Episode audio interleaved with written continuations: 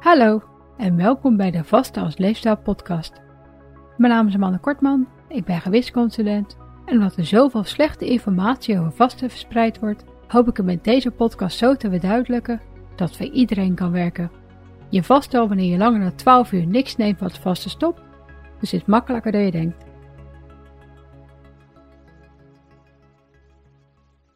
Welkom bij aflevering 25. In deze aflevering ga ik het hebben over het verschil tussen vasten en diëten en hoe je het met vasten het effectiefst kunt afvallen. Daarvoor starten de meeste tenslotte. En ik heb er al een paar vragen over gehad die ik in deze aflevering samenvoeg. In aflevering 19 heb ik natuurlijk al het een en ander besproken, maar de vragen van Aniek, Ben en Kimberly gaven mij aanleiding om deze aflevering te maken. Nu wil Aniek graag weten wat nu het grote verschil tussen vasten en diëten is, en Ben en Kimberly willen graag weten hoe je het effectiefst kunt vasten om af te vallen. Als jij nog vragen hebt, dan kun je die natuurlijk ook sturen. Ik vind het leuk om ze te krijgen en ik zal ze ook per e-mail of app beantwoorden. Heb je nou behoefte aan persoonlijke begeleiding? Dan kun je natuurlijk een afspraak maken via valorie.nl. Oké, terug naar deze aflevering. Als je vaste googelt, dan zullen de meeste websites zeggen dat het een dieet is, omdat het een manier is om af te vallen. Je kunt echter ook vasten zonder echt af te vallen. Zo ben ik in de afgelopen anderhalf jaar maar een paar kilo verloren, terwijl ik, op een handje dagen na, dagelijks minimaal 18 uur heb gevast. Naast de gezondheidsvoordelen die vasten mij geeft, is mijn vetpercentage iets omlaag gegaan. Door al mijn kleding weer perfect vast. En zodra ik weer geopereerd word, hoef ik nu tenminste niet bang te zijn dat ze er weer aankomen. Iets wat een handige bijwerking is. Maar het handige van vasten vind ik dat ik absoluut niet het idee heb dat ik er veel moeite voor hoef te doen. Ik heb gezondheidsvoordelen en ik blijf makkelijk op gewicht. Dat laatste was in het verleden wel anders. En ik ben het tellen van calorieën en het wegen van mijn porties zijn ze vele dagen dat mijn gewicht telkens weer omhoog kroop, meer dan zat. Ik heb nooit extreme diëten gevolgd. Mijn dagelijks apps zoals de eetmeter invullen is bloedirritant. En ik doe het nu hooguit één keer per kwartaal om een idee te krijgen van hoe een gemiddelde dag eruit ziet. Het is tenslotte ook mijn werk. Het kan geen kwaad om te controleren of mijn gevoel overeenkomt met de werkelijkheid. Tot nu toe zit ik goed en ik voel me goed, dus wat ik doe is alles behalve een dieet. Dit beantwoordt de vraag: wat is nu eigenlijk het verschil tussen dieet volgen en vasten? Van Aniek natuurlijk niet. Dus om deze vraag te beantwoorden zal ik eerst uitleggen wat een dieet is. Een dieet is in de medische wereld een voedingspatroon die om medische redenen aan specifieke eisen moet voldoen ten behoeve van een individu. Je kunt hier bijvoorbeeld denken aan mensen met nierproblemen die een zoutarm dieet moeten volgen, maar ook aan mensen met allergieën en intoleranties die bijvoorbeeld een notenvrij of lactosearm dieet moeten volgen. In de volksmond is het dieet natuurlijk vooral een manier van eten om af te vallen, en zo zal ik het in deze aflevering ook gebruiken. Om af te vallen worden de calorieën vaak beperkt door minder koolhydraten of vetten te eten en door kleinere maaltijden te nemen. Maaltijdvervangers zijn veel gebruikte methodes om dit te doen, maar het zelf bijhouden of dagmenu's volgen is ook erg populair. Bij diëten gaat het dus vooral om, om wat je eet en bij vasten gaat het natuurlijk vooral om wanneer je eet. Door in een kortere tijd te eten zullen veel vasters automatisch minder calorieën binnenkrijgen, zodat de kans op overeten zoveel kleiner is. Door het vasten voel je tenslotte beter hoeveel eten je nu echt nodig hebt. Niet alle vasters eten trouwens minder, en er zijn er genoeg die merken dat ze meer kunnen eten dan ze ooit konden, en toch nog afvallen. Ik merk zelf ook dat ik meer moet eten om op gewicht te blijven sinds ik het 18-6 volg.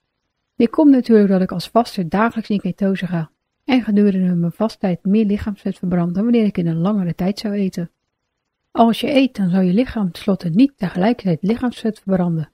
En tijdens je vasttijd forceer je je lichaam om lichaamsvet als energie te verbranden, zodat je normaal kan blijven functioneren.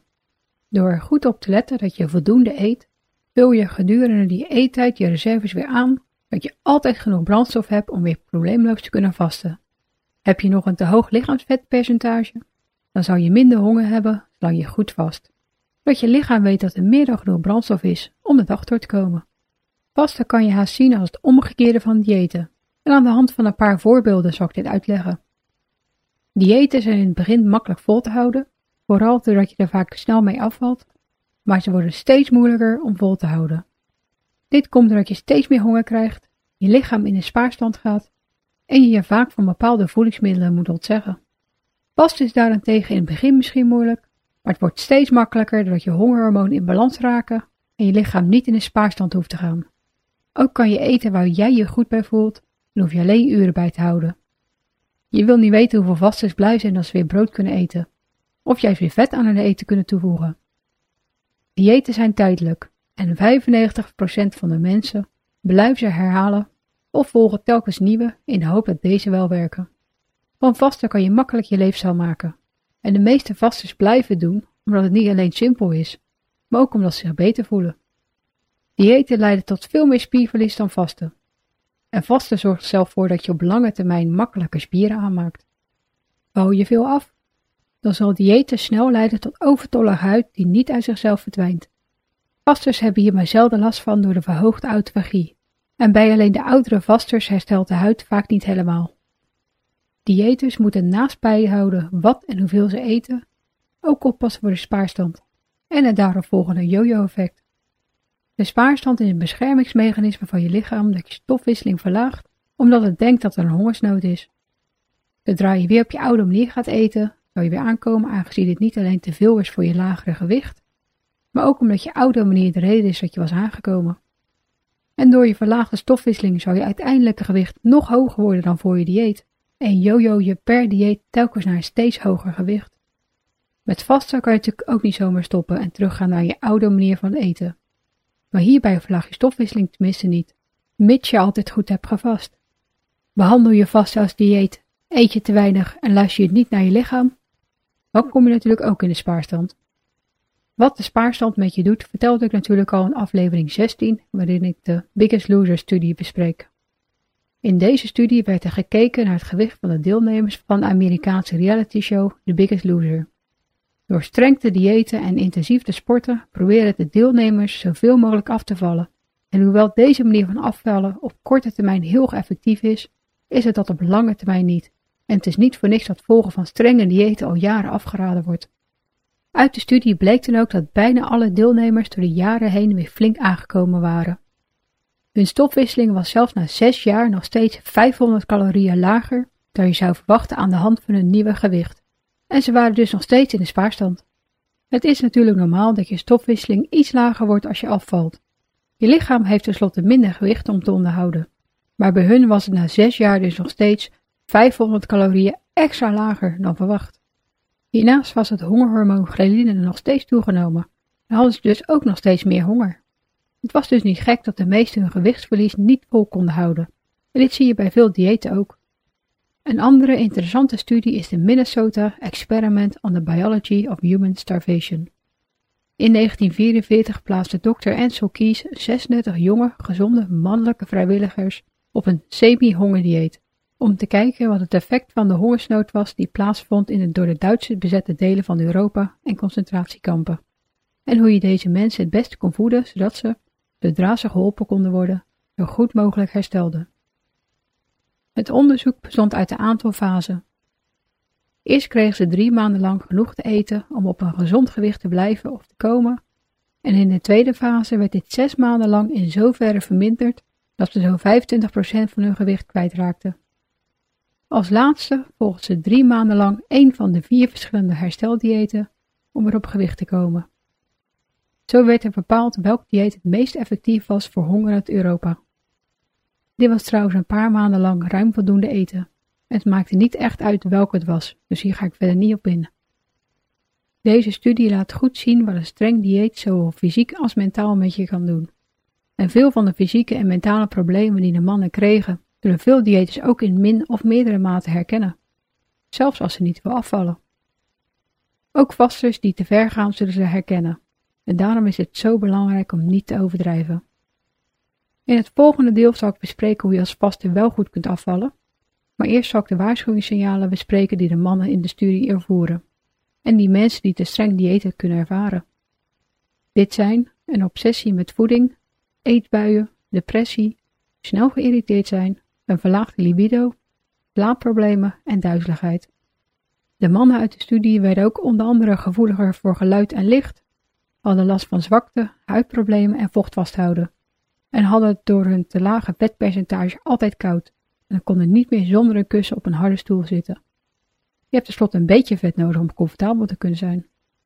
Je moet als dieet wel heel ver gaan om de laatste paar te krijgen, maar het gebeurt wel als je overdrijft. En ook met vasten kan je te ver gaan, als je naast je eeturen ook je calorieën beperkt, zoals ik aan Ben en Kimberly al uitlegden. Zij waren in een dieetvalkuil getrapt en ik hoor en lees het vaak. Je kan tenslotte niet en vasten en altijd je calorieën beperken. De mannen van de Minnesota-studie aten in een afvalfase zo'n 1600 calorieën per dag. Dat is vergelijkbaar met een gemiddeld dieet. En na de studie waren ze op lange termijn aangekomen door de spaarstand en bleven sommigen nog met mentale problemen zitten. Het enige wat je tijdens je eettijd wil beperken is junkfood, zodat je beter voelt wanneer je vol zit en wat je nodig hebt. Hiernaast heeft je lichaam er natuurlijk niks aan. Veel vasters gaan gelukkig automatisch gezonde eten, dus het hoeft niet eens je eerste stap te zijn. Als je het nog moeilijk vindt om je eten aan te passen, dan kun je ook gewoon rustig starten met 12 uur per dag vasten, wat ik ook in aflevering 6 vertel. Dit is minimaal, maar het verkort de eettijd al voor velen. Eet gewoon niks meer na het avondeten en je hebt de eerste stap al gezet. Ga dan over op voldoende eten tijdens je drie hoofdmaaltijden, zodat je geen tussenrukjes meer nodig hebt en misschien is dit al voldoende om rustig af te vallen. Een pond per week afvallen is een goede gemiddelde snelheid. Maar het kan natuurlijk sneller gaan als je veel gewicht te verliezen hebt en langzamer als je vetpercentage maar iets te hoog is. Zie trouwens de momenten tussen de maaltijden in als mini-vasttijden. En drink dan alleen water, thee of koffie zonder toevoegingen of smaakjes, zoals ik ook in aflevering 2 uitleg. In de puur gezond noemen we dit de eetrust, en drankjes vallen hier dus ook onder. Val je nog steeds niet af en wordt je kleding ook niet losser? Ga dan naar het 14-10 of 15-9 en ga ook focussen op wat je eet. Vervang alles met een lage voedingswaarde voor iets met een hoge en ga bijvoorbeeld over op de volkoren versies van brood, pasta en rijst en vervang je kipstiefeltje voor kipfiletje. Eet genoeg groente en fruit en drink ook voldoende water zodat je lichaam dorst niet met honger verwarmt. Drink je trouwens graag een glaasje wijn of biertje bij het avondeten? Voor velen scheelt het al aanzienlijk als ze een dagelijks glas alcohol laten staan en alleen nog maar een glaasje in het weekend nemen. De volgende stap is het verder opbouwen van je vasturen. En ik wil je aanraden om met uren vasten niet verder te gaan dan een gemiddelde van 20 uur per dag. Het 16-8 kan ook al voldoende zijn. En ik doe alleen het 18-6 omdat ik gezondheidsproblemen heb en niet kan sporten. Houd ook in je achterhoofd dat de weegschaal voor vasters extra onbetrouwbaar is als de getalletjes maar niet lager worden. Zodat we makkelijker spieren aanmaken, als ik in aflevering 10 al uitleg, kan je kledingmaat wel verminderen, terwijl je gewicht soms zelfs omhoog gaat. Focus daarom echt meer op hoe je kleding zit dan wat de weegschaal aangeeft. Maak ook foto's van jezelf in telkens dezelfde strakke outfit, zodat je de verschillen goed kunt zien. Wees hiernaast geduldig, aangezien vasten meer is dan een dieet.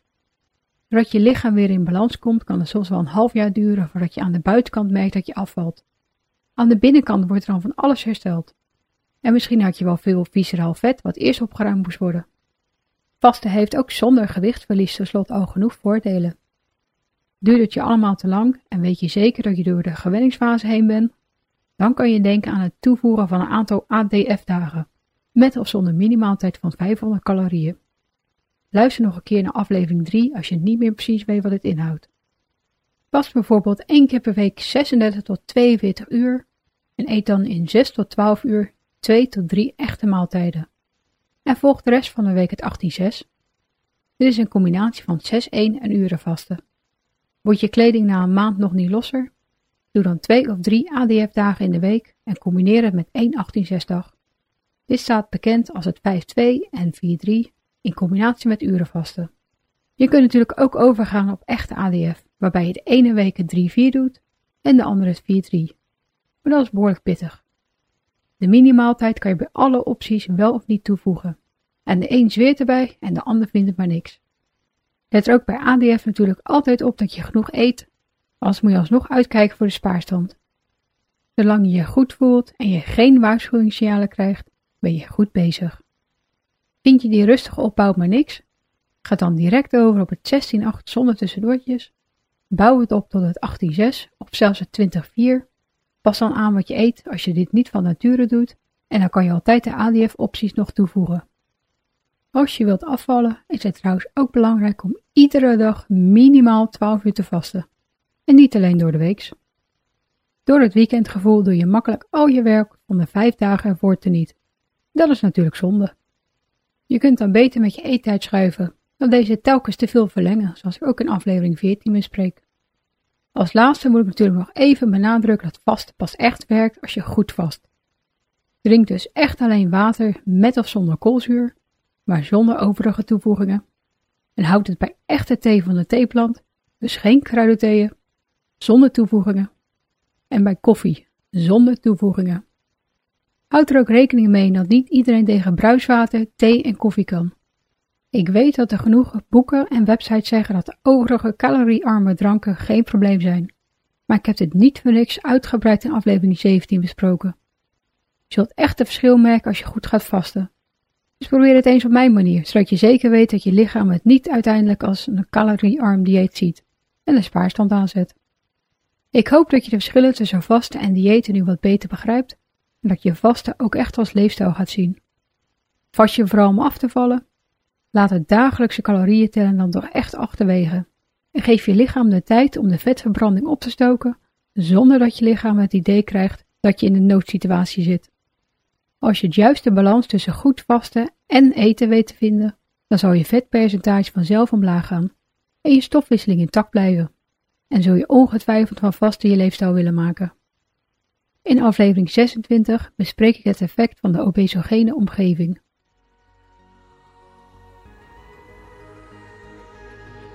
Bedankt voor het luisteren en vergeet niet dat je de onderwerpen en bronnen altijd in de omschrijving van de aflevering kunt vinden. Weet je niet zeker of sommige tips of adviezen ook voor jou geschikt zijn? Bespreek ze dan natuurlijk altijd met je arts. Heb je nog vragen of opmerkingen? Of heb je behoefte aan persoonlijke begeleiding? Kijk dan op valerien.nl voor meer informatie.